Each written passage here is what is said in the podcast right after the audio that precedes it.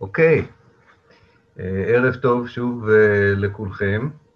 אה, היום אנחנו נדבר על סודאן.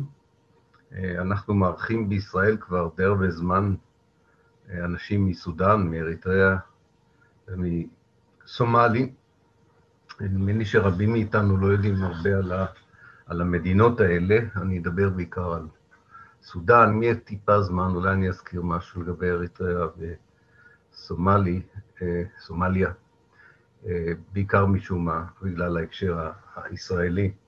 אה, וסודאן כמובן נכנסת לחדשות שלנו כמדינה האחרונה שהודיעה על נכונותה לקשור יחסים דיפלומטיים או לערוך נורמליזציה עם מדינת ישראל. השם אה, סודאן, מי שיודע טיפה ערבית, מכיר את המילה אה, אסווד, שחור, או סורדה, בהטייה בנקבה, ולכן אה, לא יתפלא שפירוש המילה סודאן זה השחורים, או מדינת השחורים. ואנחנו מוצאים את השם הזה במקורות לפני הרבה הרבה זמן. פחות או יותר מהתקופה, תחילת התקופה האסלאמית, אבל אפילו מלפני התקופה האסלאמית, יש התייחסות לאזור הזה כסודאן. עד, ל, עד למאה החמישית, לפחות המצרים והיוונים, ואחר כך גם הרומאים והביזנטים, מדי פעם כותבים את המילה כוש על, ה, על המקום שבו היום אה, נמצאת אה, סודאן, ובאמת עד, הייתי אומר, עד המאה העשירית, אה, ההיסטוריה של סודאן קשורה להיסטוריה של מצרים, מתקופת הפרעונים הקדומים, דרך כל התהפוכות של מצרים באזור הזה עוברים, עד שאנחנו מגיעים לסביבות האלף של, ה, של הספירה הנוכחית. היסטוריה של סודאן, אה, כמו חלק מהארצות שכבר דיברנו, עליה, דיברנו עליהן בעולם הערבי, אה, אה, מושפעת גם מהמבנה הטופוגרפי הגיאוגרפי של הארץ וגם מהמבנה האתנוגרפי, אם אפשר לקרוא לזה ככה, או העדתי והדתי של האזורים האלה.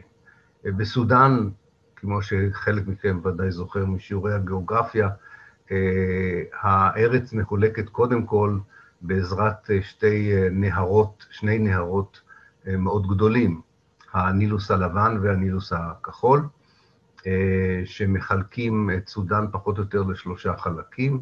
הנילוס הלבן חוצה אותה במרכז, לצד מזרחי וצד מערבי, והנילוס הלבן שמתחבר לנילוס הכחול, סליחה, הנילוס הכחול שמתחבר לנילוס הלבן בירה חרטום, אה, מחלק את הצד המזרחי לשניים, חלק צפוני ולחלק אה, אה, מערבי.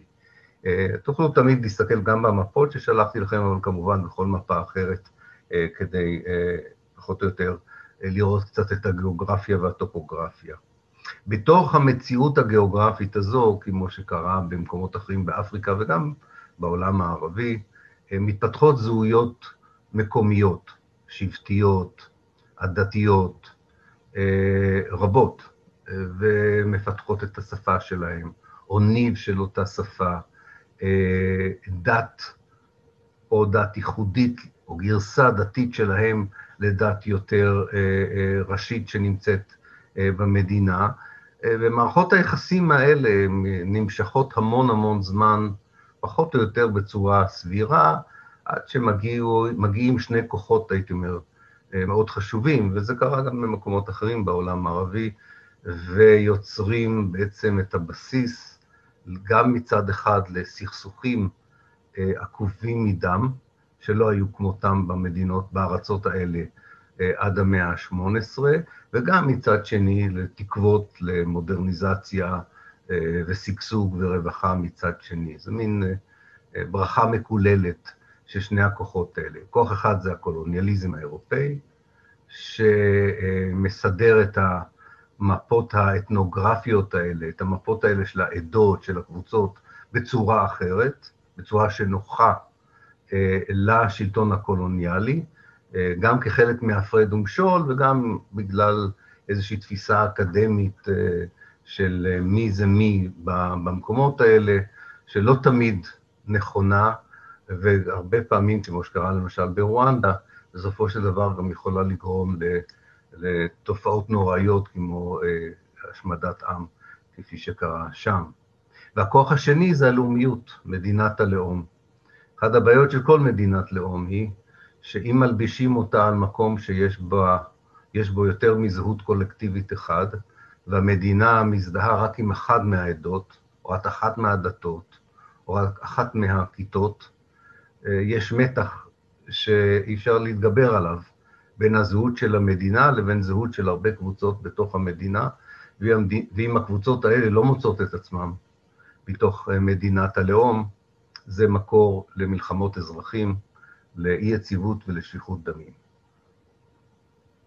החלוקה הבסיסית בסודאן היא בין הדרום והצפון במקרה הזה, דרום שלא ראה את עצמו אף פעם חלק ממדינת הלאום הסודנית, אבל גם בדרום עצמו, כמו שתראו, תסתכלו על המפה, נדמה לי הראשונה ששלחתי לכם, יש שם חלוקה לתשעה עד עשרה אה, זהויות קבוצתיות, כל אחד מדבר בשפה אחרת, אה, כל אחד יש לה גרסה דתית אחרת, אה, ולכן גם כשתקום, זה פחות או יותר קמה מדינת דרום סודאן, גם שם עדיין מי שיקבע את הזהות, יקבע זהות של קבוצה אחת, או ייתן למדינה זהות שמתאימה לקבוצה אחת, אבל לא בהכרח משקפת את הקבוצות האחרות. זה צד אחד של הסיפור הסודני. הצד השני, שזו באמת היסטוריה מאוד מורכבת. מצד אחד קרו שם במשך ה... ואני מדבר בעיקר על התקופה המודרנית, כי זו התקופה שמעניינת אותנו, קרו שם דברים נוראים. רצח עם, טיהור אתני, פשעי מלחמה, רעב קשה. זה צד אחד של המפה, משטר, משטרי דיכוי קשים. וצד שני של המפה, צד שני של המטבע, סליחה, לא של המפה, צד שני של המטבע, הצלחות די מדהימות של חברה אזרחית, אה, שעל ידי הפיכות, רובם ללא שפיכות דמים, הם הביאו לקיצן אה, אה, שלטון, שלטונות דיקטטוריים. לפעמים לתקופה קצרה ולפעמים לתקופה ארוכה. אולי ה... היפה מכל הסיפור הזה, שב-2020 זו אחת המדינות היחידות בעולם הערבי, שלפחות אנחנו נמצאים עכשיו בתקופה כזו של מרד אזרחי שהוריד שלטון עריץ ומנסה לבנות שלטון חדש, דמוקרטי, פרלמנטרי, חוקתי, ונכון להיום מצליח בזה, וכמובן אנחנו נצטרך לעקוב מקרוב מה יקרה בשנים הבאות בסודאן. סודאן בעצם הופכת אה, ממש למדינה, לאזור שהייתי אומר מוגדר בצורה יותר ברורה מבחינה, קוראים לזה גיאופוליטית, זאת אומרת, גם מבחינה גיאוגרפית, גם מבחינה פוליטית, בתחילת המאה ה-16, 1500 לערך. אה, ומתחילה להיות שם חלוקה שהיא גם נכונה להיום באיזשהו מקום. האזור הצפוני של סודאן, אה, אה, מתאסלם יחסית מוקדם, רואה את עצמו קשור לחצי האי ערב ולממלכות האסלאמיות השונות, גם כאלה שנמצאות במזרח התיכון, לא רק בצפון אפריקה, והחלק הדרומי, שברובו היה פגאני, זאת אומרת דתות אליליות, מתנצר בתהליך די ארוך כתוצאה או מקיומם של אה, כיתות נוצריות קדומות, עוד מהמאה החמישית והמאה השישים, וגם כתוצאה מדחף מיסיונרי מאוד מאוד אינטנסיבי של המעצמות הקולוניאליות, אה, תחילה אה, ספרד, פורטוגל, ואחר כך בריטניה, צרפת ואיטליה, שרואות במיסיון גם מכשיר חשוב להעמקת השלטון הקולוניאלי בארצות האלה.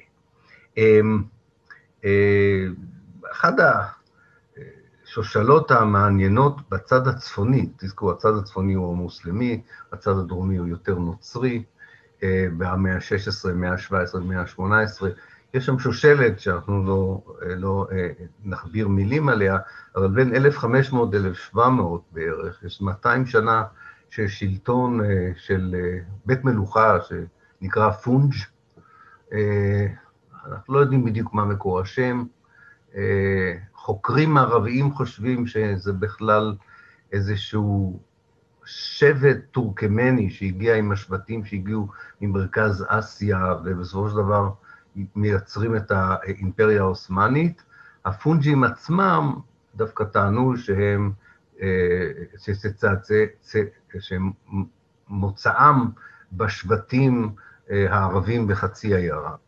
לא כל כך משנה לצורך העניין מי צודק. מה שמעניין הוא שהם היו גרסה מאוד מעניינת של, של אסלאם, 200 שנה של אסלאם מאוד מכיל, של, ה, של המנהגים המקומיים, של הדתות האחרות. למשל, בממלכה הפונג'ית היה מותר לשתות אלכוהול, והיה מותר לקיים טקסים נוצרים כחלק מהתפיסה הדתית האסלאמית. זה בדרך כלל גורם, כמו שקרה במקומות אחרים, לריאקציה קצת יותר פונדמנטליסטית, יותר אדוקה, ומ-1700 דווקא בצפון המוסלמי של סודאן מתחילה להיות שליטה של מלכים, אפשר לקרוא לזה, או שליטים שהם הרבה יותר דתיים, וגם כופים מרות דתית יותר אדוקה על, ה, על, ה, על התושבים. אם תסתכלו על, ה, על אחת המפות, או אחר כך תסתכלו על המפות, זה כל כך משנה, תשימו לב לשני אזורים בדרום מערב המדינה, אחד זה דארפור, אחד זה קורדפן, זה המקומות שבסופו של דבר, מכל התהליך הזה של האסלאמיזציה, אולי נקרא לו אפילו התהליך של הערביזציה, של אזור שהוא חלק גם מאפריקה וגם חלק מהעולם הערבי, שני האזורים האלה, דארפור וקורדפן, הם אזורים שנשארים אפריקאים במובן הזה של עדיין יש בהם דתות פגניות, וגם במובן הזה שהנצרות עדיין יותר אה, אה, אה, נפוצה שם מאשר דת האסלאם, וזה יוצר כמובן מתח כאשר מי ששולט בחרטום ירצה למשל שסודאן תתנהל כמו רפובליקה אסלאמית, כפי שנראה שזה עוד יקרה. כאשר שולטת בחרטום ממשלה יותר חילונית, יותר שמאלית, יותר לאומית אולי אפילו, הייתי אומר, ופחות דתית, היחסים עם הדרום קצת יותר אה, אה, טובים, אם כי בדרום מתפתחת בסופו של דבר במאה ה-21 תנועה לאומית שדורשת להפוך את הדרום למדינה אה, בפני עצמה. בכל מקרה, אם נשמור קצת על מסגרת כרונולוגית, אז דיברתי על השושלת הזו, הפונג', ששולטת בכל, במרבית סודאן, בין 1500 ל-1700. אה, בעצם היא גם ממשיכה פחות או יותר אל תוך המאה ה-19, המאה ה-19 שמתחילה ב-1800, וההיסטוריה הממש מודרנית של סודאן, כזו שהיא אולי הרלוונטית ביותר ל- לימינו, אה, מתחילה עם עלייתו של מישהו שכבר הזכרתי בהרצאות קודמות, של מוחמד עלי במצרים. תזכרו, מוחמד עלי, מושל עות'מאני, שמקים שושלת עצמאית במצרים, ממש בתחילת המאה ה-19, אמנם לא מנתק באופן רשמי את מצרים מן האימפריה העות'מאנית, אבל מנהל אותה כמדינה אה, אה, אה, עצמאית. מצד אחד הוא מלך עצמאי פחות או יותר במצרים, מצד שני הוא גם עובד בשירות האימפריה כדי להרחיב את מרותה של האימפריה העות'מאנית על שטחים שמרדו בה. למשל, הוא כובש את מכה ומדינה ואת חצי האי ערב.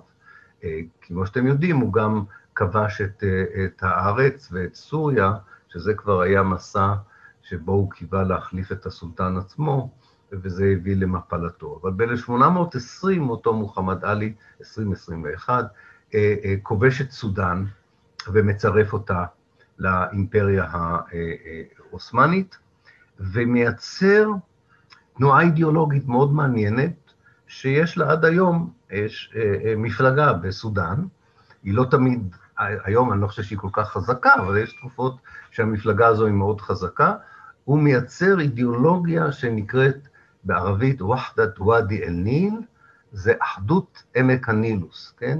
מין תפיסה כזו שבעצם גורלה של מצרים, גורלה של סודאן, שזורים זה בזה, וכל מאבק לריבונות ולעצמאות צריך בעצם להפוך את שתי המדינות האלה למדינה אחת.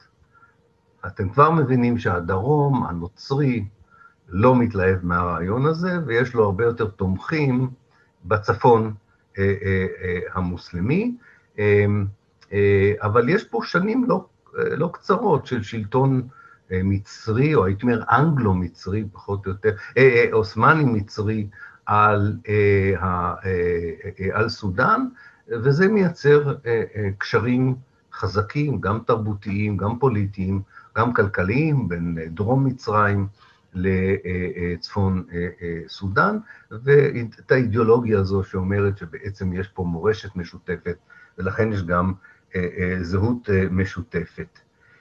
אותו רעיון בתחילה גם מקובל על הבריטים.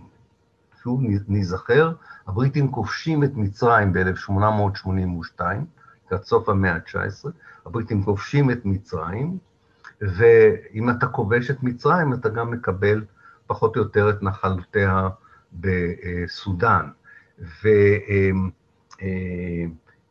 והבריטים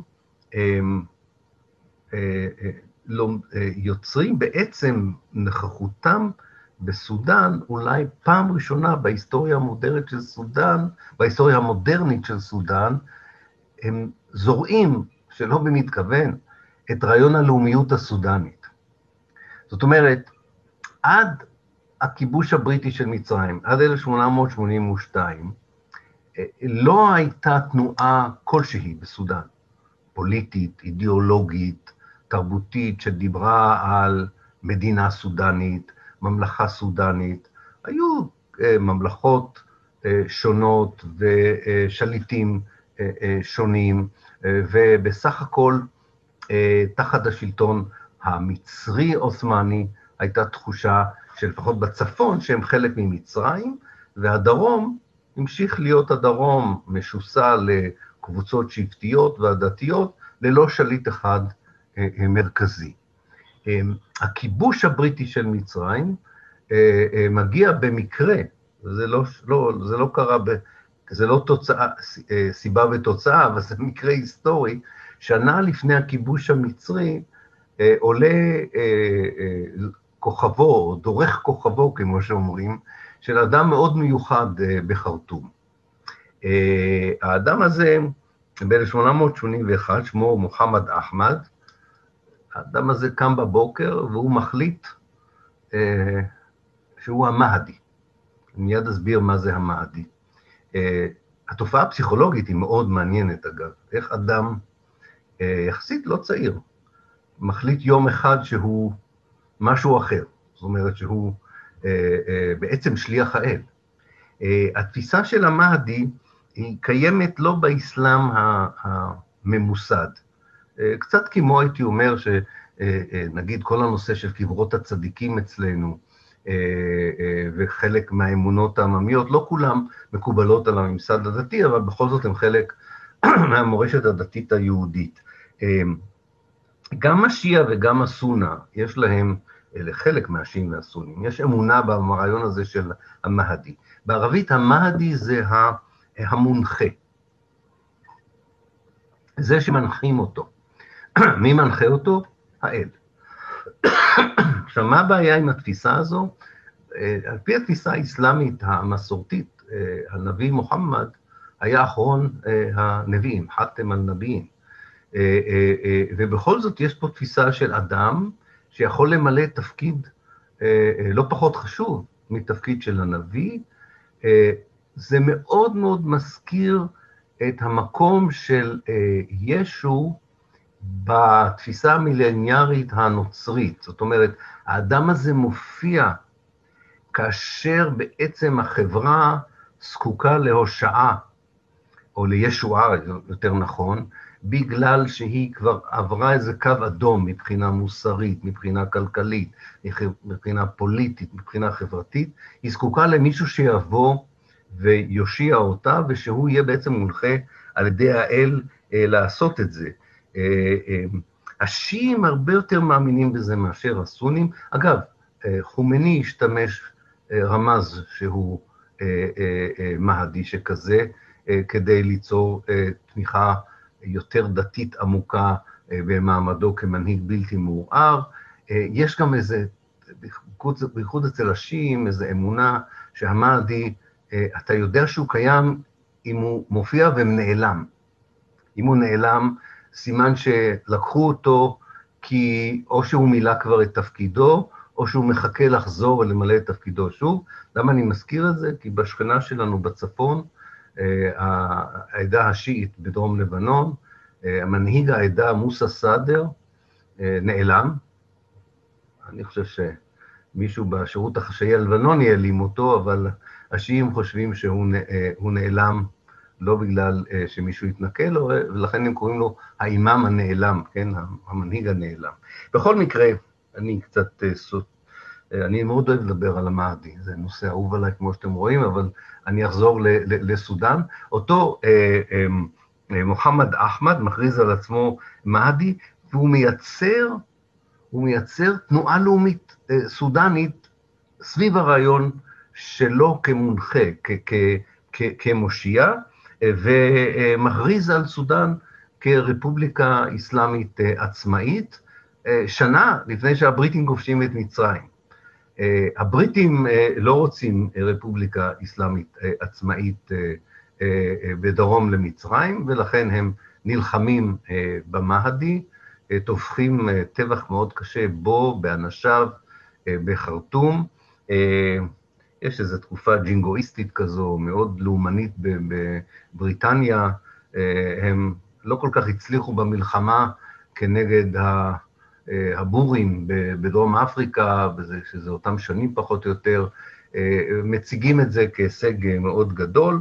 בכל מקרה, אה, הוא מספק את התירוץ לבריטניה לכבוש באופן יותר ישיר את סודאן, אבל לדעתי הוא גם זורע את הזרעים של לאומיות סודנית שלא רוצה להיות חלק ממצרים ולא רוצה להיות חלק מהאימפריה הבריטית, אלא רוצה להקים מדינה עצמאית סודנית. אני קורא לו אבי הלאומיות הסודנית, לא כולם מסכימים עם התיאור הזה, אבל נראה לי שזה היה דבר מאוד מאוד חשוב אה, בשבילו. אמ, הבריטים אמ, צריכים בסודאן, וזה מאוד מעניין, לא רק להילחם כנגד התנועה הלאומית שהמאדי עומד אה, אה, בראשה, אלא, לא יודע אם אי פעם שמעתם את המונח באנגלית, The Scramble for Africa. אה, קשה מאוד לתרגם את המילה Scramble לעברית. זה בעצם מרוץ ללא גבולות אה, אה, לשלוט באפריקה. אני מתאר את זה יותר מאשר אני מתרגם את זה, כן? סקרמבל זה שכל אחד שולח את היד שלו ומנסה לקחת משהו מן העוגה. העוגה במקרה הזה זה אפריקה, הסועדים זה המעצמות הקולוניאליות, וכל מה שאתה לא לוקח, אתה יודע שמישהו אחר ייקח. מה שהיה מיוחד היה בהתנפלות הזו על אפריקה, אה, שזה כבר לא היה עניין רק של מקומות שקסמו למעצמות הקולוניאליות בגלל שהיו בהם אוצרות טבע, זה כמובן היה מניע עיקרי. אה, ככה אה, אפריקה, רוששו לחלוטין את אפריקה, והשאירו בצורה מוגזמת את, ה, את, ה, את המערב. זה, זה שנים מאוד חשובות כדי להבין כיצד אפריקה מתמוטטת והמערב עולה כ, אה, בזכות חומרי הגלם האפריקאים, כולל חומרי גלם אנושיים, לא עלינו, זאת אומרת, סחר אה, בעבדים. אבל אה, גם הייתה תפיסה של מקומות, כי אם אתה לא תתפוס את המקום, מישהו אחר יתפוס את המקום. אבל למה אני מספר לכם את, את כל זה? משום שצרפת גם חמדה בסודאן. עד כדי כך היא חמדה בסודאן, ולכן שלחתי לכם מפה של אפריקה. סודאן, אם תסתכלו, סודאן יש לה כל מיני שכנות אה, מערב לה. מדינות כמו ניג'ר, מאלי וצ'אד. לכל האזור הזה הצרפתים קראו מערב סודאן. כדי ללמדך, מערב סודאן הצרפתית, כן, או, או אפריקה הצרפתית, ללמדך שסודאן היא בעצם שייכת לצרפתים. למה? לא היה שום הסבר לוגי לעניין הזה, והם שולחים, הם בעיקר רוצים להשתלט על מקורות הנילוס בסודאן, והם שולחים ב-1899 משלחת, שרוצה לשים את הדגל הצרפתי בכפר מאוד חשוב בהיסטוריה האנושית, המערבית לפחות, בשם פשודה. לא יודע אם שמעתם על תקרית פשודה. פשודה זה כפר שנמצא ממש על uh, uh, צומת הגבולות של uh, סומליה, אתיופיה, סודאן ומאוריטניה, אם אני לא טועה,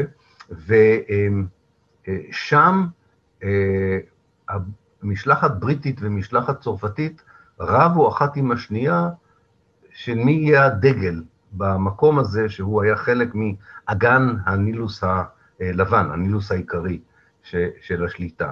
עכשיו, הוויכוח בין שתי המשלחות היה די אה, מנומס, אבל באירופה זה כמעט הביא לפרוץ מלחמת העולם הראשונה, עוד לפני שמלחמת העולם הראשונה פרצה. זה, זה הביא למתח עצום בין צרפת לאנגליה, אה, שרק נפטר ב-1904, כאשר האנגלים והבריטים חתמו על משהו שנקרא ההסכמה הלבבית, וחילקו את, את אפריקה ביניהם.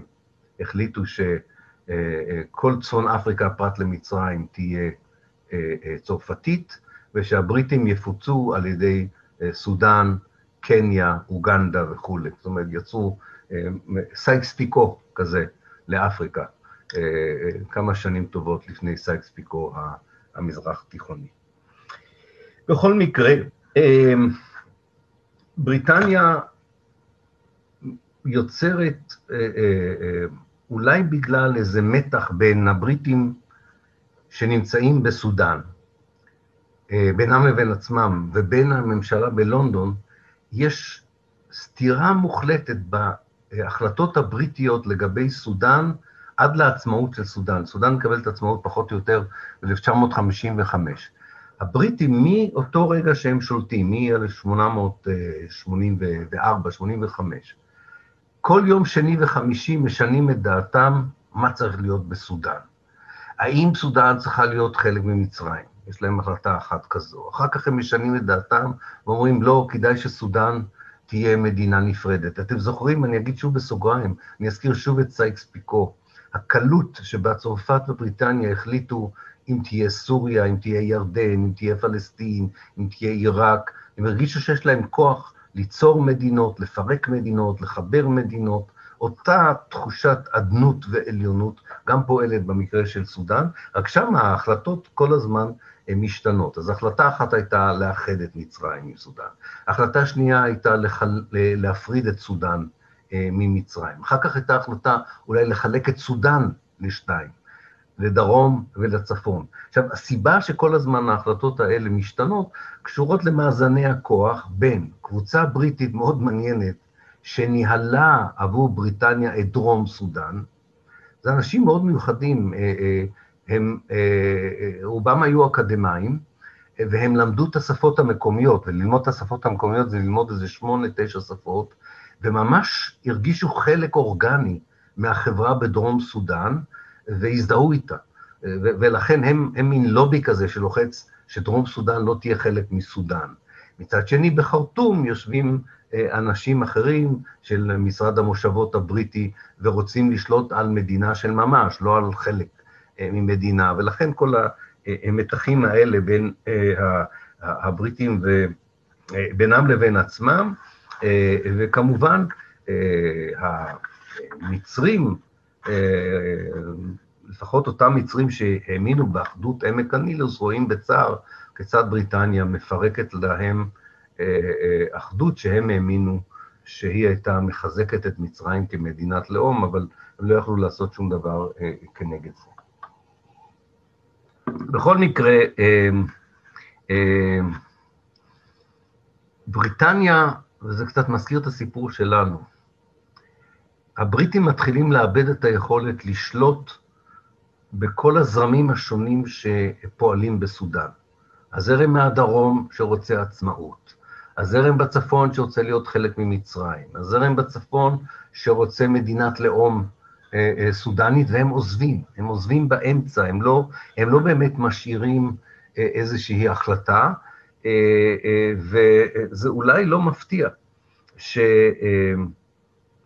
שהעזיבה הבריטית ב-1955, העזיבה הסופית הבריטית, היא גם מסמלת את יריית הפתיחה במלחמת האזרחים הראשונה בסודאן. יהיו שתי מלחמות אזרחים קשות בסודאן. הראשונה פרצה ממש עם, עם העזיבה הבריטית, והיא רק תיגמר כאשר איכשהו הקבוצות השונות בסודאן אה, אה, יגיעו לאיזושהי הסכמה ויכריזו ב-1956 על סודאן כמדינה עצמאית, והיא גם תהפוך להיות אה, חברה באו"ם.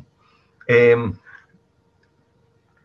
מאוד מזכיר את הסיפור של סוריה ועיראק, קצת אחרי העצמאות, אם אתם זוכרים, המדינות האלה מיד אחרי העצמאות, אה, גם מצרים באיזשהו מקום, מנהלות אה, מדינה פרלמנטרית דמוקרטית אה, לשנה, שנתיים, שלוש, ואז קצינים בצבא מהמעמד הבינוני הנמוך, כל אחד משפיע גם אחד על השני, השפעות חוזרות לאטאטורק, עוד בטורקיה, מאמינים ש, שיש להם יותר יכולת לנהל את המדינות החדשות מאשר כל המפלגות השונות, וכך אנחנו עדים, כמו שקרה במדינות אחרות אה, בעולם הערבי, להפיכה הצבאית הראשונה בסודאן ב-1958.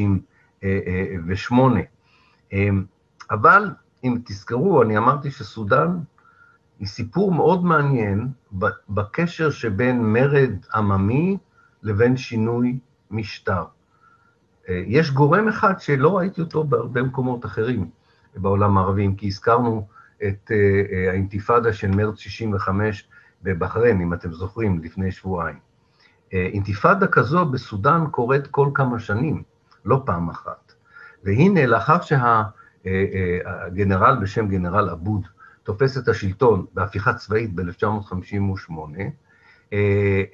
יש כנגדו מרד אזרחי שממשיך עד 1964, ובסופו של דבר מכריח אותו לוותר על כיסאו, ושוב מנסים להקים בסודאן מדינה פרלמנטרית אה, אה, אה, תחוקתית. הבעיה היא שכל משטר דמוקרטי, כל משטר דמוקרטי בסודאן, שעולה באמת בכוח הריבונות של העם, בדרך כלל תוך מאבק אמיץ מאוד של אנשים מול שליט, זה יכול להיות אדם שתפס את השלטון בהפיכה צבאית, או אה, אדם שיש לו סמכות דתית אה, עליונה. אה, כל משטר דמוקרטי כזה גם צריך לייצג, מה שהמשטרים האופרטיביים לא, לא טורחים בכלל, רוצה לייצג את כל המפה האתנית, הדתית והנוצרית של סודאן. וזה קשה. ובאותו זמן גם לייצב את הכלכלה ולסק... ולפתח אותה וכולי. ולכן אה, אה, זה לא מפתיע ששוב אה, קצין, שאני חושב את השם שלו אתם מכירים, בשם ג'עפר נומרי, ב-1969 תופס את השלטון. אחד הדברים המעניינים לגבי אותו קצין, בניגוד לקצין הקודם, אבוד, שתפס את השלטון כי הוא חשב שהצבא יכול לנהל את המדינה יותר טוב, נומרי הוא אדם אידיאולוגי, הוא מאוד מאוד קשור למפלגה הקומוניסטית ב, ב, ב, בסודאן, אה, הוא אדם שרואה את עצמו כחילוני, אה, הוא אה, חושש, הוא טוען שבמבנה הדמוקרטי הפרלמנטרי בסודאן יש כוח חזק מדי לאסלאם הפוליטי, שמשפיע על חקיקה דתית וכולי, וכך בשם איזושהי אידיאולוגיה חילונית, שמאלנית אולי אפשר לקרוא לזה, ובעזרת המפלגה הקומוניסטית, ב-69' הוא עולה אה, אה, לשלטון, אה, ממנה את עצמו כראש ממשלה, וקומוניסטים מגלים, כמו שהם גילו במקרה של סדאם חוסיין בעיראק, ובמקרה של חומני באיראן, ובמקרה של נאצר במצרים, שהם שותפים חשובים להפיכות, אבל אף אחד לא רוצה אותם כשותפים בשלטון אחרי ההפיכות. ונומרי כמובן זונח אותם אחרי שהוא מגיע לשלטון, למרות שצריך להגיד שאחת ההצלחות הגדולות של נומרי זה שהמלחמה, מלחמת האזרחים הראשונה הזו שדיברתי עליה, שפורצת כבר בשנה הראשונה לעצמאות הסודנית, בין הדרום הנוצרי לצפון המוסלמי, נומרי מצליח להביא לסיומה בהסכמי שלום, הסכמי פיוס, ולכן הוא זוכה לתמיכה רבה מאוד בסודאן, למרות שהוא מבטל בעצם את המשטר הדמוקרטי הפרלמנטרי. נומרי יכול היה להחזיק מעמד יותר זמן ממה שהוא החזיק, אני חושב, בגלל שהוא לא היה איזה מין עריץ מטורף או דיקטטורי, וכן היה לו נטייה לשתף גורמים אחרים בחברה ובשלטון. הבעיה שלו הייתה כלכלית. הוא מאוד מתרשם מהמהפך שעשה אנואר סאדאת במצרים. אתם זוכרים אולי את הרגע שבו אנואר סאדאת ב-1972, אולי, לא יודע שזוכרים, אולי אתם יודעים, או זוכרים. אנואר סאדאת ב-1972 מכריז על מדיניות כלכלית שבערבית קוראים לה אינפיתח, פתיחות. מה היה, מה היה הרעיון ב-1972? אנחנו זונחים לחלוטין את הרעיונות של נאצר על סוציאליזם ערבי, על הלאמה, על משטר סוציאליסטי, ואנחנו מתחילים להקים במצרים משטר קפיטליסטי, שזה התנאי שארצות הברית הציבה לנו כדי שנוכל להיות חלק מהעולם המערבי ולעזוב את הגוש הסובייטי. נומרי מאמץ את המודל הזה, אה, אה, והוא מתחיל להזמין את קרן המטבע הבינלאומית, העולמית, את, ה, את, ה, את הבנק, העול, הבנק העולמי ואת קרן המטבע הבינלאומית, סליחה, שני גופים מאוד מאוד חשובים אה, בעולם הערבי, שגם במצרים, גם בירדן וגם בסודאן, מלווים למדינות האלה הרבה הרבה כסף, אה, והן מבקשות, הגופים המלווים האלה, הם, מייעצים שהכסף הזה, ישתמשו בו לשתי מטרות. אחת, להפוך את המדינות האלה, שברובם היו מדינות חקלאיות, למדיניות מתועשות, כי מאמינים שיש איזו תפיסה של מודרניזציה, ככל שהמדינה תהיה מתועסת יותר, היא תהיה מודרנית יותר, וככל שתהיה מודרנית יותר, היא תהיה דמוקרטית יותר, זה הכל כמובן שטויות, אבל אז גם האקדמיה המערבית תומכת מאוד באידיאולוגיה הזו.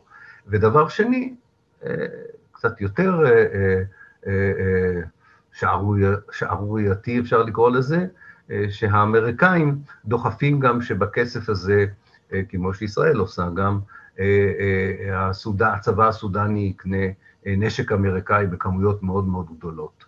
זה צבא, זו מדינה שלא צריכה צבא גדול, אבל היא, היא רוכשת את כל הציוד הצבאי הגדול האמריקאי. עכשיו, כמו שאתם יודעים, ברגע שאתה לוקח הלוואה גדולה, אתה צריך להחזיר לפחות את הריבית, ושלטון לא כל כך יציב, ושלטון שהוא לא תמיד לא מושחת, לא מצליח להחזיר את ההלוואות לבנקים האלה. בתגובה, הגופים הבינלאומיים האלה דורשים מדיניות אה, שפירושה לקצץ בסובסידיות אה, למוצרי יסוד, מוצרי, מסוד, מוצרי מזון יסודיים, לקצץ בשירותי הרווחה, אה, לקצץ בכלל במדיניות הרווחה. ובכל המדינות האלה, המדיניות הזו, שנועדה בסך הכל להחזיר ריבית לנושים מחו"ל, יוצרת מהפכות ומהומות ומרד חברת, חברתי. מי שמכיר את הסיפור של גרמניה ויוון, יודע שזה פחות או יותר גם מה שקרה בגרמניה ויוון, זו מהדורה אירופאית של, של, של, אותו, של אותו דבר. צריך אולי להגיד גם שהנומרי בסופו של דבר נעשה ידיד כזה גדול של, של ארה"ב, שהוא מוכן שה-CIA יקים שם, ה-CIA מקים שם מפקדה ענקית בסודאן, שנועדה לעזור לאמריקאים להיאבק בכל מי שביבשת השחורה לא נראה כאויב פוטנציאלי או, או נראה כאויב אמיתי של האינטרסים האמריקאים ביבשת אפריקה. טוב, לא, לא מפתיע כתוצאה מהמדיניות הזו, שני, שתי תנועות פוליטיות מנסות להפיל את נומרי. אחד השמאל, שכמובן לא רואה במדיניות הזו כברכה, ומצד שני מתעוררת שוב אותה תנועה של המהדי, אתם זוכרים את אותו מהדי מ-1881, הנכד שלו, אמנם לא מדבר על עצמו יותר במונחים של המונחה מידי האל, הוא כבר לא קורא לעצמו אה, כאיש דתי, אלא הוא, הוא פשוט מקים מפלגה אה, פוליטית בשם אה, האומה, האומה, אה, והוא נעשה מאוד מאוד פופולרי בסודאן, והוא בעצם ראש האופוזיציה לאותו ג'עפר אה, אה, אה, אה, נומרי. אה, אה, ו... אה, יש פה איזשהו אה, ניסיון של אה, אה, נומרי, הייתי אומר, לנסות ולפייס את, ה, את כל הגופים שנמצאים נגדו בשנים האחרונות לשלטונו. הוא מנסה להקים ממשלת אחדות שכוללת את הקומוניסטים ואת המפלגה האסלאמיסטית הזו, האומה, וכל זה לא עולה יפה, כי לכולם יש אינטרס אחד משותף, וזה לסלק אותו, ולכן ב-1985 אה, נומרי מסולק מהשלטון. אה, כך שדניאל, כשאתה היית בשגרירות הסודנית, כבר נומרי לא היה אה, בשלטון.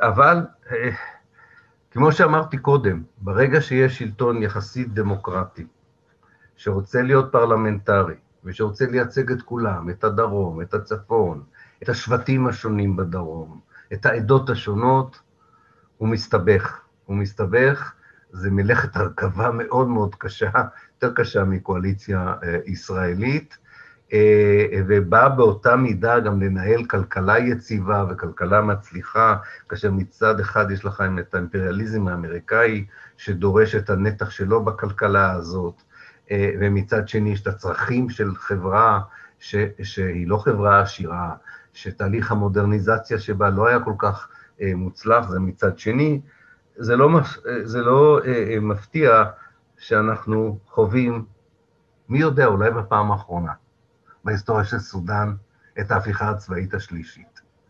עכשיו, ההפיכה הצבאית השלישית מתבצעת על ידי אדם שאולי שמעתם את שמו, עומר בשיר, ב-1989. עומר בשיר הזה, אה, אנחנו אה, אה, שמענו עליו בגלל שהוא אחד השליטים הראשונים בעולם, שבית הדין הפלילי הבינלאומי קבע שהוא ביצע פשעים כנגד האנושות וביקש להעמיד אותו לדין. בשיר הוא איש די אכזר, צריך להגיד את האמת. הוא קודם כל מנהל מלחמה קשה מאוד כנגד הדרום, אה, גם בעזרת הצבא וגם בעזרת מיליציות שהוא אה, מקים, אה, וגורם לארבעה מיליון איש בדרום להפוך לפליטים. המתקפה שלו על הדרום, שמתחילה כשהוא עולה לשלטון ב-89' וממשיכה במשך שנות ה-90 עד תחילת המאה הזאת, גם קורית כאשר שינויים אקלימיים גורמים לרעב גדול. בחלקים אה, של סודאן, בייחוד בדארפור, שהזכרתי אותה, אה, הוא לא מאפשר לקהילה הבינלאומית לשלוח סיוע אה, של מזון, הוא בכלל טוען שאין בה בעיה של רעב. כן, הוא מסתיר מהקהילה, לא מסתיר, אבל הוא, הוא, הוא לא מוכן לקבל סיוע, כי הוא אומר שאין רעב, והרבה אנשים אה, מתים, לצערי, באותה תקופה. הוא שליט אכזר, הוא, הוא אה, אה, אה, מבצע הרבה מאסרים פוליטיים אה, ולא סובל כמובן שום התנגדות, מבטל את כל המפלגות, שולט באופן אה, אחד אה, מפלגתי, עם מפלגה משלו, הוא הופך אותנו למפלגה הלגיטימית היחידה בסודאן. הוא קושר את גורלו, זה מאוד מעניין, עם איזו דמות מאוד חשובה באסלאם הפוליטי אה, איש שקשור אה, קשר הדוק לאחים המוסלמים במצרים, אה, חכם דת בשם חסן טוראבי, וביחד הם מחליטים להפוך את סודאן לרפובליקה אסלאמית. זאת אומרת שחוק, זה לא, זה לא עניין שהשריעה, ההלכה האסלאמית היא חוק המדינה, זה עניין שגרסה מאוד אדוקה של חוק ההלכה הופך להיות חוק המדינה, כן? אתה יכול, ההלכה המוסלמית יש לה זרמים שונים, יש לה תפיסות אה, אה, מקלות, יש לה תפיסות מחמירות, הם בוחרים בתפיסה מאוד מחמירה, מאוד אה, קשיחה, וכך שבנוסף לעניין הפוליטי, זאת אומרת, לעניין הזה שאסור בעצם להתנגד לו מבחינה פוליטית ואידיאולוגית, יש גם שימוש בדת כדי להמשיך ולדכא את האוכלוסייה. הוא ברגע מסוים כאשר אה, אה, הוא אה, מתחיל להרגיש שהמערב כבר לא לצידו, קושר את עצמו גם לאל-קאעידה. נותן מקלט לאוסאמה אבן לאדן, מאפשר לאנשי אל-קאעידה להתאמן בסודאן. אולי אתם זוכרים התקפה אמריקאית מאוד לא מוצלחת מן האוויר על מפעל תרופות אה, בסודאן, הם חשבו שזה מפעל אה, לייצור אה, נשק עבור אנשי אל-קאעידה, והם הורגים שם הרבה אזרחים האמריקאים. בכל מקרה, הוא מכניס את סודאן לרשימת מדינות תומכות הטרור אצל האמריקאים, שמגביר את הסנקציות על סודאן, מונע קבלת סיוע כספי וכיוצא מזה. בקיצור, לא היה כיף לחיות בסודאן, הייתי אומר, אה, אה, תחת אה, שלטונו. אבל, כמו שאמרתי, הסיפור לא סיפור עצוב בסופו של דבר. שני גורמים מביאים לסופו של, שלושה גורמים בעצם, מביאים לסופו של השלטון הזה של עומר אל-בשיר. אחד, הוא מסתכסך עם חסן טוראבי, אותו חכם דת אה, כנראה היו לו שאיפות הרבה יותר גבוהות מאשר סתם להיות אה, הפוסק הדתי, הוא רוצה להיות גם הפוסק הפוליטי, והוא זורק את אה, חסן טוראבי לכלא, וזה יוצר, זה מחליש את השלטון שלו, הוא כבר לא מקבל לגיטימציה מאיש הדת החשוב ביותר בסודאן. דבר שני, וזו תופעה חדשה שמעוררת תקווה לגבי העתיד של אפריקה.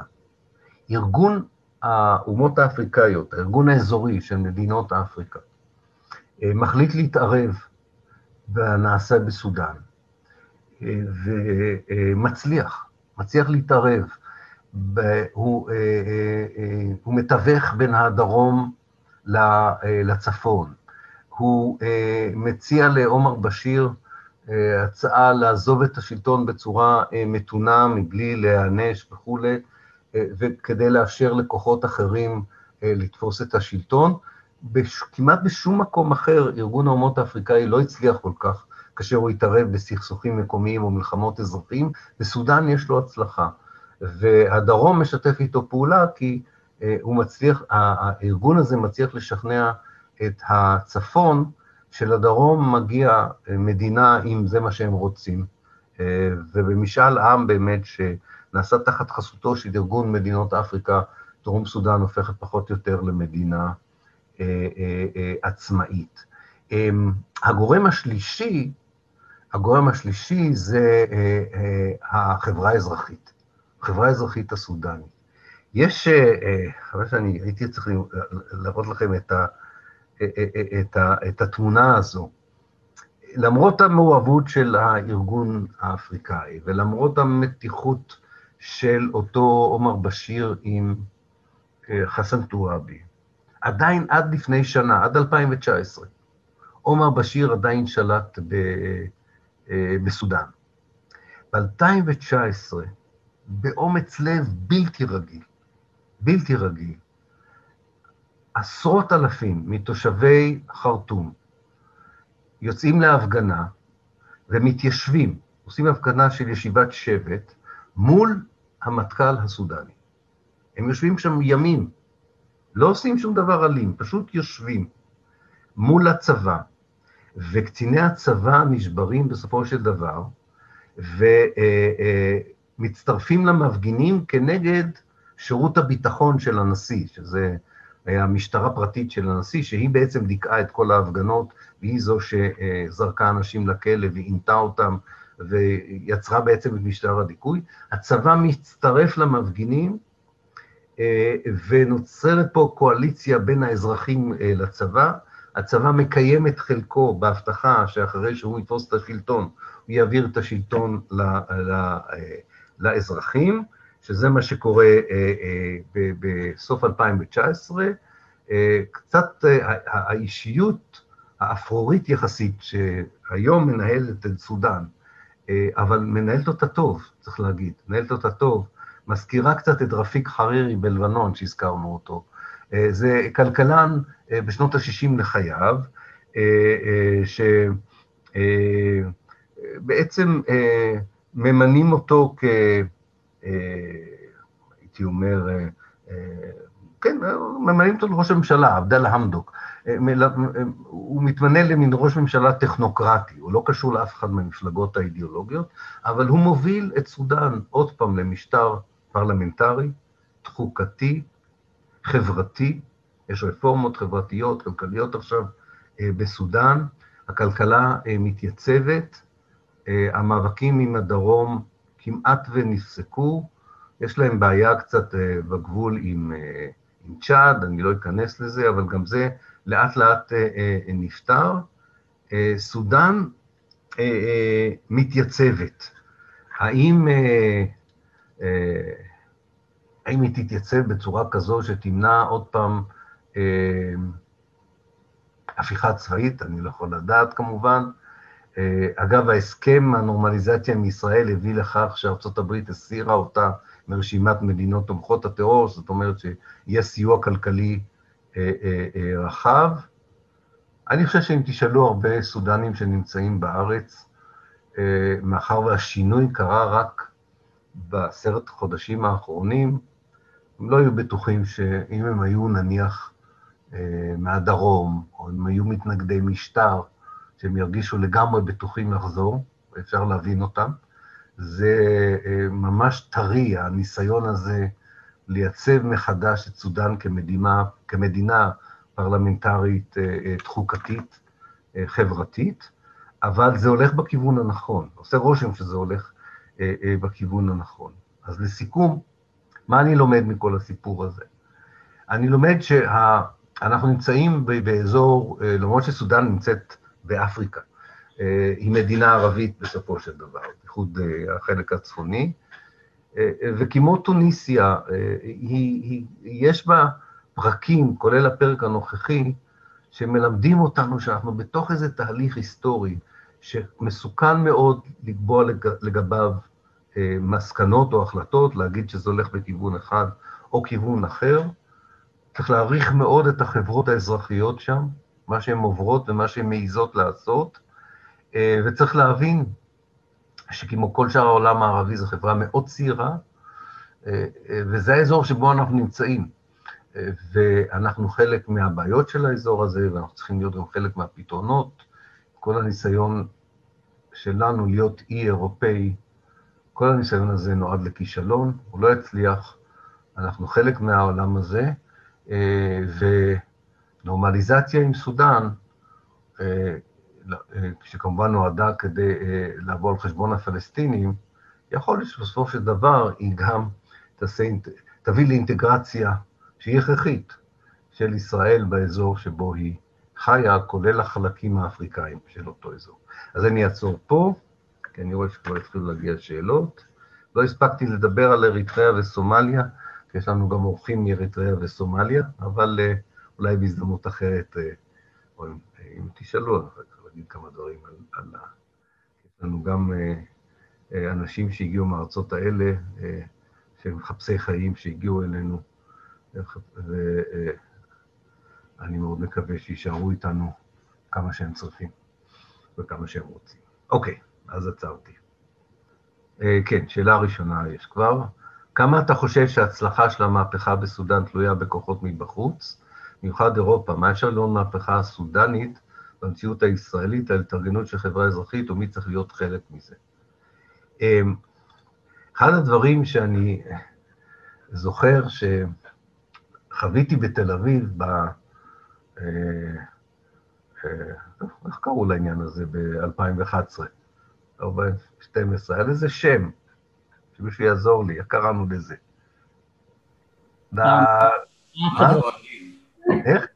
מחאת האוהלים. האוהלים. כן, המחאה החברתית. תודה, אייל, אני זוכר, תודה. כן, המחאה החברתית. אני זוכר שב-2011, 2012, אני זוכר שאחד הסיסמאות בכיכר המדינה, אה, כיכר רבין, זאת אומרת, אה, היה אה, כיכר תחריר זה פה. אתם זוכרים?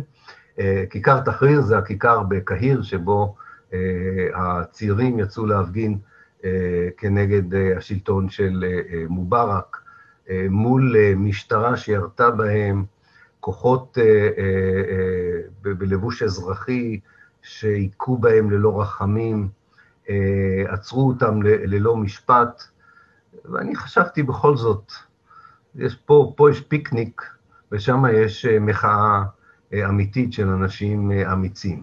אני לא רוצה לפגוע, אני יודע שחלק מכם משתתפים במחאה הנוכחית, אני עדיין חושב שאתם לא חווים משהו שמתקרב למה שהמפגינים האמיצים בסודאן חוו, אבל אני חושב, יהודית, אם אני אענה ישירות לשאלה שלך, אני חושב שיש פה תופעה מזרח תיכונית, ערבית, אפריקאית גם כן, שאנחנו כל כך נמצאים בתחילתה, שאנחנו צריכים מאוד להיזהר בניסיון להעריך את, אה, אה, לא את משמעותה, את משמעותה אפשר להעריך, אבל את תוצאותיה. למה אני מתכוון?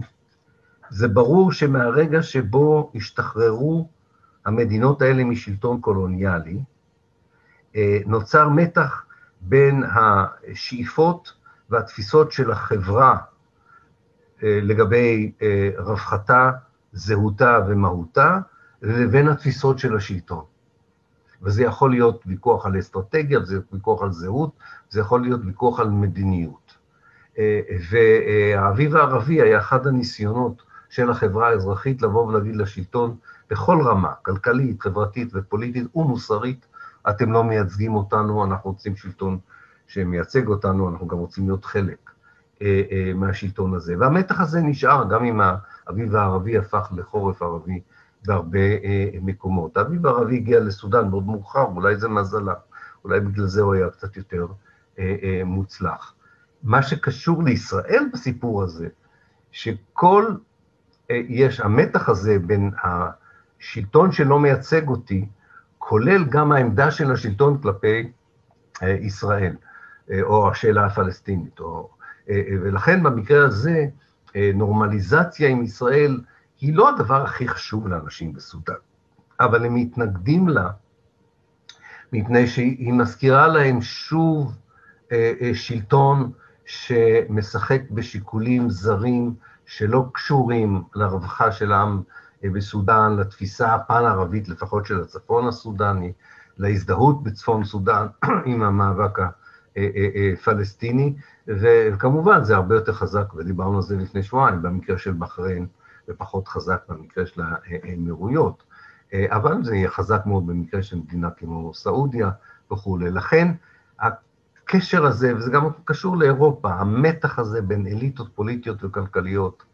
שלא מייצגות אה, חברה שמתיימרות לייצג אותה, וזה לא משנה כל כך אם המשטר הוא דמוקרטי או לא, אה, החברה או שמוצאת איזה מפלט באיזה אסקפיזם, אה, או, או שהיא הופכת, או שהיא יוצרת תנועות חברתיות של שינוי, שנכון להיום, לא ב-2008 ולא ב-2012, הצליחו לבצע את השינוי הזה, אבל אני חושב שאנחנו באמת בתחילת התהליך הזה, וקשה לדעת איך הוא, אה, אה, איך הוא יתגלגל, וכשעל זה עוד מוסיפים את המשבר אה, של הקורונה, על הסיפור הזה, יהיה מעניין לעקוב אחרי זה. אבל זה, זה אזור שבו אנחנו חיים, שיש בו אנשים מאוד אמיצים בחברה האזרחית, יש בו מתח בין מודרניות למסורת, יש בו פרקים יפים של שילוב של השניים, של הצלחה של פיוס, של מודלים של חיה ותן לחיות, והרבה פרקים שהם בדיוק הפוכים,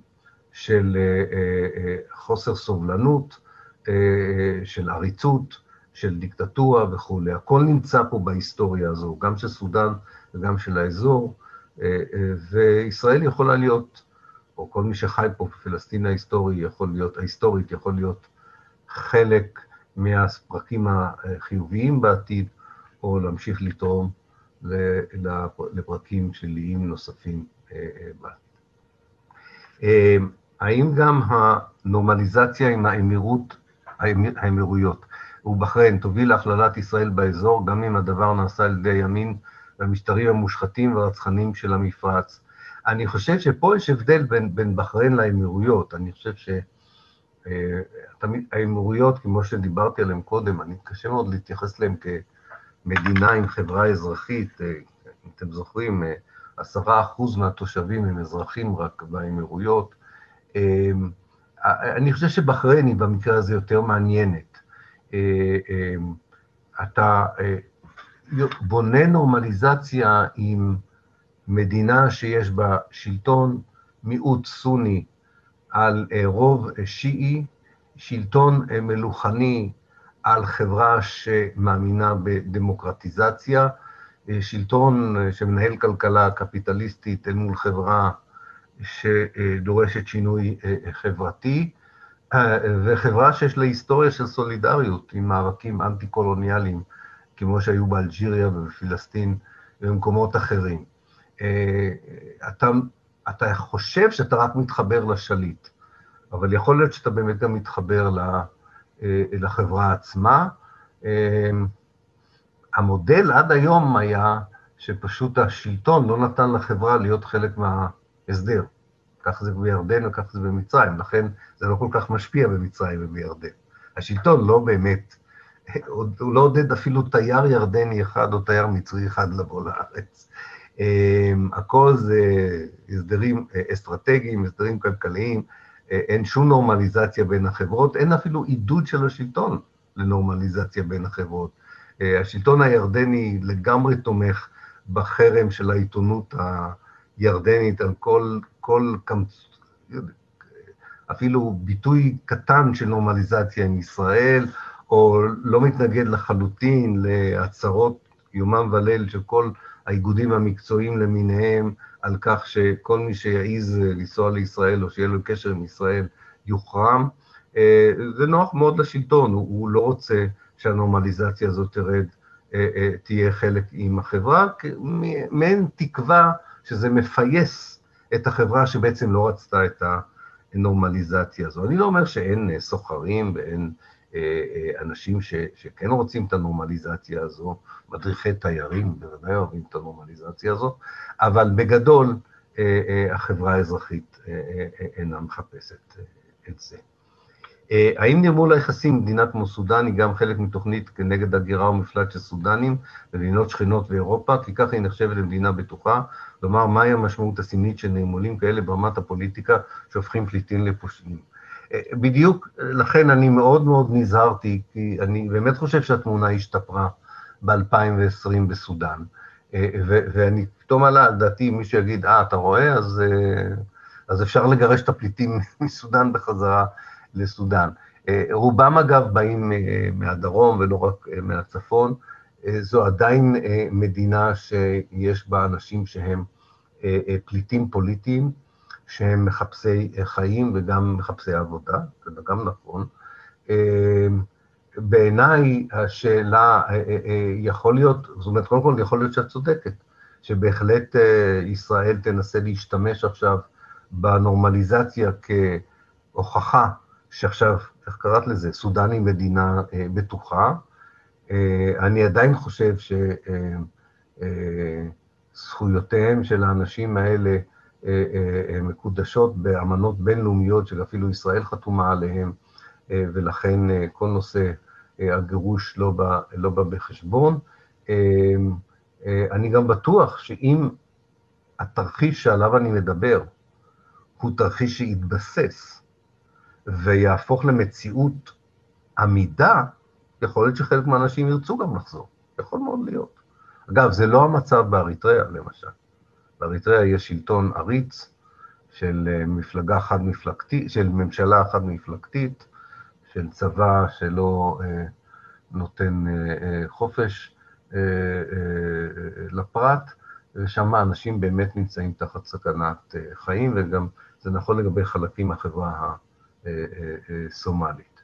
אה, אני חושב שאנחנו כאזרחים צריכים להתנגד לכך שנושא הנרמול יהיה קשור באיזושהי צורה לחובה האנושית והמוסרית שלנו, לתת לפליטים האלה שבאו אלינו את כל הזכויות שמגיעות להם אה, אה, כאנשים, כבני אדם במדינה הזאת.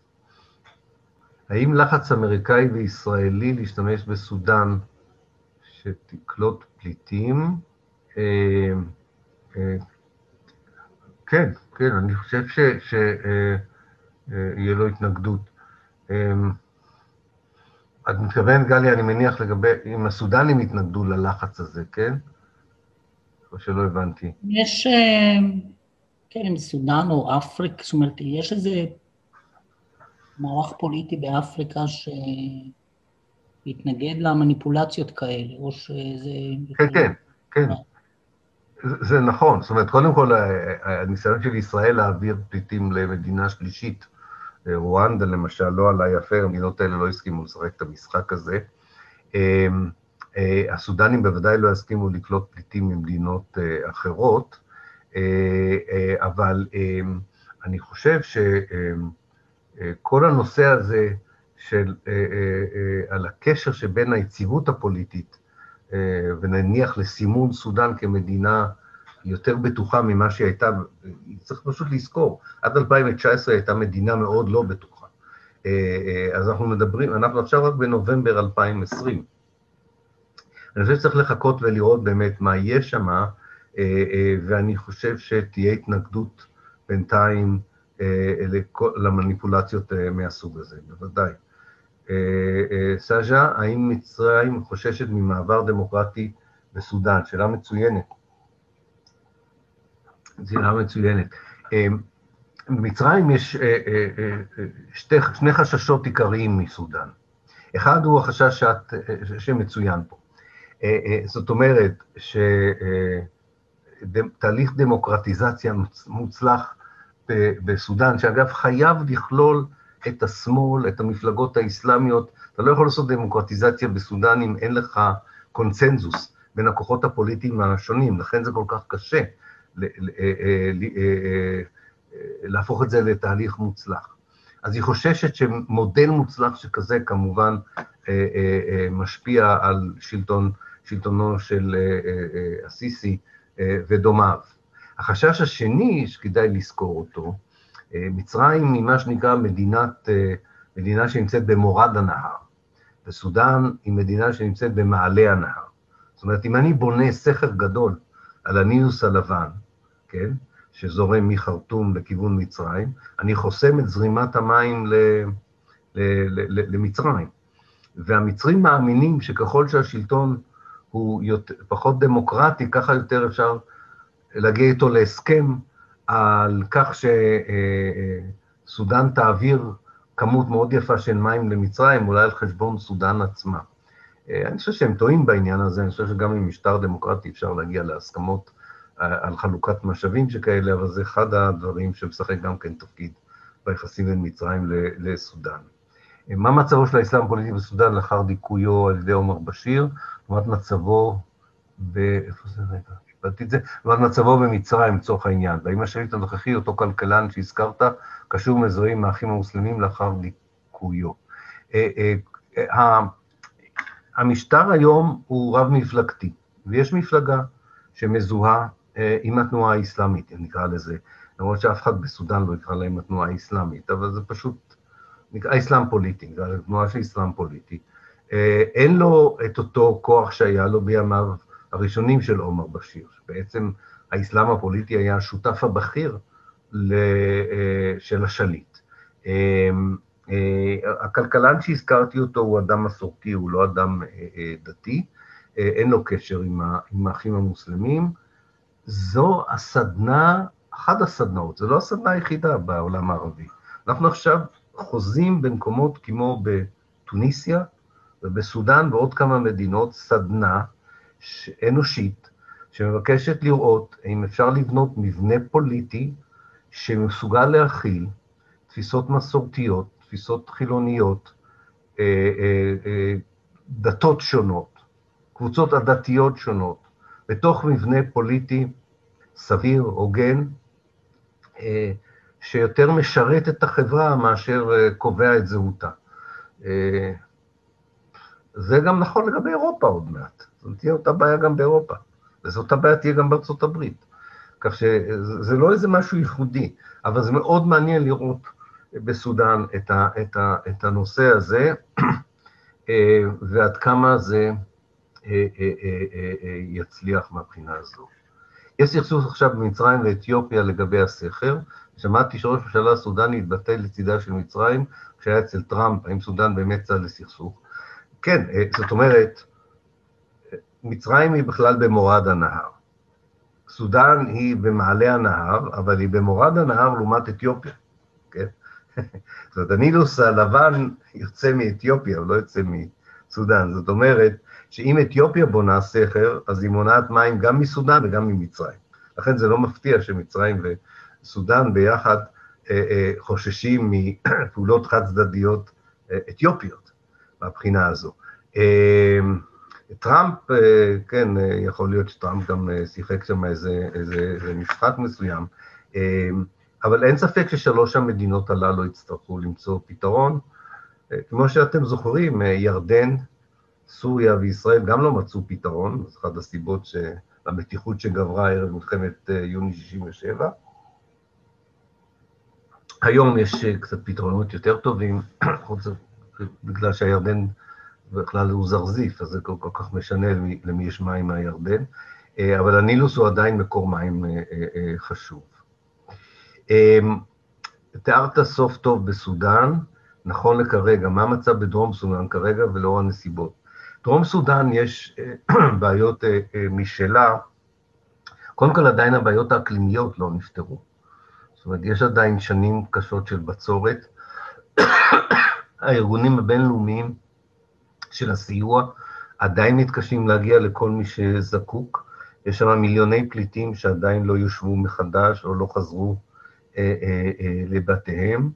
יש סכסוכים מקומיים בין אה, קבוצות אתניות, אם אפשר לקרוא לזה, אה, אה, אבל צפון סודאן מופרדת עכשיו מהדרום, ולכן באמת זה סיפור אחר. צריך לעקוב, לראות מה קורה בדרום סודאן, כי באמת יכול להיות שהם ירצו לחזור לפדרציה עם צפון סודאן. קשה מאוד לדעת, זה מצב מאוד נזיל, בואו נקרא לו לא כך. אמ, אני בעיקר מודאג, זאת אומרת, לא שמישהו אכפת לו מה אני חושב על סודאן, אבל אני בעיקר בעיקר מודאג מסוחרי אה, הנשק שעובדים שם. כי אה, כל קבוצה הכי קטנה בדרום סודאן עכשיו מציידים אותה מעל, ה, מעל הראש בכלי נשק, אה, ויוצרים איזו מציאות מאוד מיליטריסטית, במקום שכמובן צריך בדיוק את, ה, את ההפך. אמ, אה, אבל יכול להיות שאם תתייצב הדמוקרטיה בצפון סודאן, זה ישפיע לטובה גם על, אה, אה, דרום סודאן.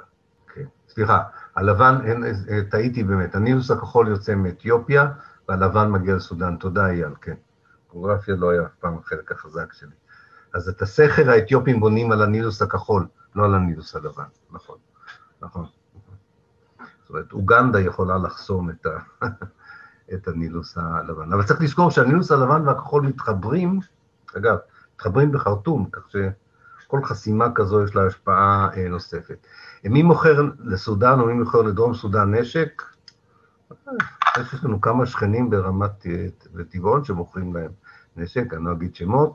אה, יש ישראלים, יש אמריקאים, התעשייה הבריטית, הטייסת הנשק הבריטית, יש לה הרבה לקוחות שם. אה, הגוש המזרחי לשעבר זה מקור לא אכזב למכירות. זאת אומרת, זה גופים פרטיים, גופים ממשלתיים, זה תעשיות שכל הזמן צריכות שווקים. ואין שוק אם אין מלחמה. אז מקום לא יציב זה גן עדן לסחורי נשק. אה, כן, גרי, צפון ישראל ודרום ישראל. לא, אז בואו נקים, רק ההפך, בואו נעשה פה, אז כן, אולי נעשה דמוקרטיה צפון ישראל, אבל זה לא הופך כלפי האנשים הטובים בדרום. אה, נכון. אה, זהו, אני חושב. שיש עוד איזה שאלה שפספסתי. אה, אריתריאה וסומליה, כן, אני לא אעשה עליהם אה, אה, הרצאה. מי שמתעניין, כדאי לו לקרוא על שתי המדינות האלה. א', בגלל שיש לנו אורחים מהמדינות הללו, ואנחנו, זה חשוב, אני חושב שנדע עליהם קצת, ו, ו, וגם בגלל שהן כל כך שונות זו מזו, והן עוד איזה מודלים של מדינות שקמו כתוצאה מחלוקה קולוניאלית וניסו ליצור זהות לאומית חדשה על בסיס של מפה שהיא לגמרי אה, אתנית אה, ושבטית, אה, ולא תמיד הבעיה, כמו שסומליה מראה לנו, לא תמיד הבעיה זה ההטרוגניות של החברה. למה אני מתכוון? סומליה היא המדינה הכי הומוגנית באפריקה. אין מדינה יותר הומוגנית מסומליה. זאת אומרת, כל האנשים כמעט הם בעלי אותה דת, כל האנשים כמעט הם מאותם מוצאים אה, שבטיים, וסומליה זו מדינה שמאוד לא יציבה, שיש בה מלחמת אזרחים כבר הרבה הרבה שנים, שמנהלת אותה תנועה אה, איסלאמית, שגם קשורה, הייתה קשורה למדינה האסלאמית, לפני זה הייתה קשורה לאל-קאעידה, אבל גם יש לה את השבאב של סומליה, הם תנועה גם עצמאית בפני עצמה, גם מרוויחים די הרבה כסף משוד ים. הם גם שודדי, שודדי ים, נוסף לכל, אה, מול אה, שלטון אה, מרכזי שנסמך על ארצות הברית ועל איחוד מדינות אפריקה, כך שההומוגניות למשל שם, באמת יצרו שם מדינה שהיא מאוד הומוגנית, סומליה היא הומוגנית, גם זה לא תמיד מבטיח יציבות, אבל בכל זאת, יש משהו אה, בסומליה, למרות שהיא עכשיו מדינה מאוד לא בטוחה, כי יש שם, אה, התנועות האסלאמיות אה, מבצעות פעולות גרילה וטרור חדשות לבקרים, יש משהו בהומוגניות, אז כנראה שבעתיד כן יאפשר איזושהי יציבות. אבל הרבה אנשים, כמו שאתם יודעים, מהגרים מסומליה. אריתריאה אה, היא מדינה מאוד הטרוגנית, חצי נוצרים, חצי אה, מוסלמים, אה, הייתה בכלל חלק מאתיופיה, פרשה מאתיופיה, ויש שם שלטון כבר המון זמן של שליט די עריץ, שלא מאפשר שום מפלגות או שלטון פרלמנטרי, משתמש בעיקר בצבא כדי לדכא את השלטון. אבל גם שם, גם שם, גם בסומליה, גם באריתריאה, גם בסודאן, אזרחים אמיצים מול סכנות בלתי רגילות, אולי מזכיר קצת מה שקורה היום בבלרוסיה, אה, ומה שקרה במשטרים כמו של צ'אוצ'סקו ברומניה, שמוכנים, אה, אה, לא מוכנים לתמיד לחיות תחת שלטון עריץ שכזה, נותן איזושהי תקווה, אבל סודאן במקרה הזה נמצאת במקום הרבה יותר טוב משתי השכנות שלה.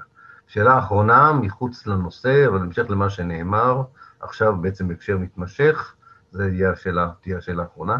האם מתקיים היום בעולם איזשהו לובי עם כוח משמעותי לצמצום סחר הנשק ודחיקתו מחוץ ללגיטימציה החוקית? האנשים, כמו שאת יודעת, אה, אה, אה, שירי, ברנרד ראסל, אה, אה, עוד בשנות ה-50 וה-60 של המאה הקודמת, הקים את ה-CND, זו אמנם הייתה תנועה לפירוק נשק גרעיני, אבל זה הפך להיות לתנועה אה, לפירוק, לצמצום סחר הנשק, זאת אומרת, זו תנועה מאוד ותיקה, עם המון המון סניפים ברחבי העולם. אחת התופעות שהטרידו אותי בתנועה הזו, כי אני מכיר הרבה מראשיה, איך שהיא לא מושכת אנשים צעירים.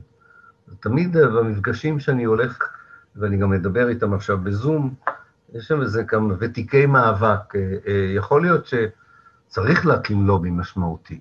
אין לובי כזה, יש אבל היסטוריה של, של, של תנועה פציפיסטית ושגם מתנגדת לסחר בנשק. אה, זה לא מצליח להיות הנושא המרכזי, זה מאוד מעניין. משתי סיבות לדעתי. אחת זה הפוליטיקה של זהויות, פוליטיקה של זהויות הרבה יותר חזקה כגורם אידיאולוגי שמגייס אנשים לפעולה, הרבה יותר מתעשיית הנשק. והדבר השני, וזה אולי נושא להרצאה בפני עצמה, זה הכישלון המתמשך של השמאל לאמץ אג'נדה שתתאים את עצמה למאה ה-21. לא להיתקע בסיסמאות ישנות וגם להיות קשובה, אג'נדה שהיא קשובה, זאת אומרת סדר יום שקשוב ל, ל, ל, לבעיות הנוכחיות. זה חייב להיות נושא מרכזי של תנועות שמאל, אבל לא רק תנועות שמאל, ובלי תנועת שמאל משמעותית מצד אחד, ועם הכוח האדיר, שאני מאוד מכבד אותו ואני גם מבין אותו, של הפוליטיקה של הזהויות, אני לא רואה את הנושא הזה הופך לנושא מרכזי, וחבל באיזשהו מקום, אבל uh, מי יודע, אולי uh, זה עוד יקרה. Do you think, אה, לא מוותרים פה. Do you think there, do you think that there is a possibility for the split of Somalia into Somaliland and Somalia? האם יש אפשרות שסומלילנד וסומליה, כן, ייפרקו? פה יש היסטוריה שלמה כמובן שקשורה לשלטון הקולוניאלי האיטלקי, שיצרו שתי ישויות. אני חושב שכן, יש, יש, יש איזה סיכוי, אפילו מבחינה נגטיבית, שלילית, זאת אומרת, כדי פשוט להכיל את האזור היותר בעייתי וליצור אזור יותר חופשי בחלקים. אני מוכרח להודות שאני לא לגמרי מתמצח בפוליטיקה הפנימית הסומלית, אבל באפריקה כולה, וזה נכון לגבי מזרח אפריקה, הישויות הללו, צריך לזכור, אוגנדה, רואנדה, מאלי, צ'אד, כל המדינות האלה נוצרו על ידי המעצמות הקולוניאליות, לא בגלל איזשהו היגיון אתני, דתי, עדתי, אלא על פי אינטרסים של המעצמות עצמם, ויכול להיות שאחד הדרכים, כמו במזרח התיכון, לפתור את הצד השלילי של הארגון הזה, או הרה-ארגון הזה, זה לארגן מחדש, ויכול להיות שארגון מחדש זה או יצירה יחידות גדולות יותר, או יצירת יחידות קטנות יותר. מאוד יכול להיות. צריך להיות מאוד פתוח לדעתי בעניין הזה, ולא לקבוע שרק יצירת יחידות, למקום מסוים יצירת יחידה גדולה יותר זה פתרון טוב, למקום אחר דווקא יצירת יחידות קטנות יותר זה מקום, זה פתרון אחר. מאוד צריך להיזהר להיות דוגמטי בעניין הזה, כל מקום והפתרון שלו.